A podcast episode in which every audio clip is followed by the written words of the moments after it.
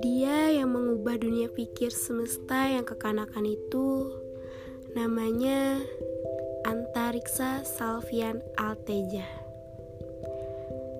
Hmm, tapi dia sulit digapai seperti bintang-bintang di angkasa. Kadang saya juga berpikir kalau kami berdua berbeda dimensi ruang. Yang entah kenapa saya harus berpikir bahwa saya harus mengubur semua angan-angan itu. Hmm. Tapi entah kenapa semesta berbicara lain. Bahwa tidak ada salahnya kagum dengan seseorang yang dia pun tidak kenal kita. Itu wajar. Cuma saya tahu saya mengagumi orang yang salah.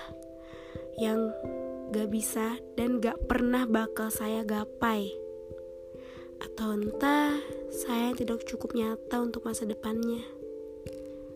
Hmm, yang saya tahu, dia kenal saya hanya sebatas penyuka musik klasik, penyuka novel, dan penyuka konser. Hah, Antariksa Salvian Alteja adalah sesosok galaksi di angkasa yang kadang keberatannya sulit ditebak, antah berantah.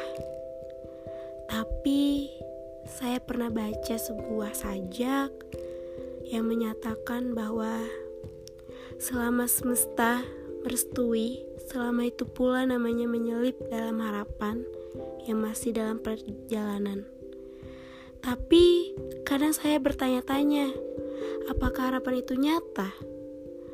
Hmm, mungkin cuma semesta yang tahu jawaban dari pertanyaan-pertanyaan yang selalu saya ajukan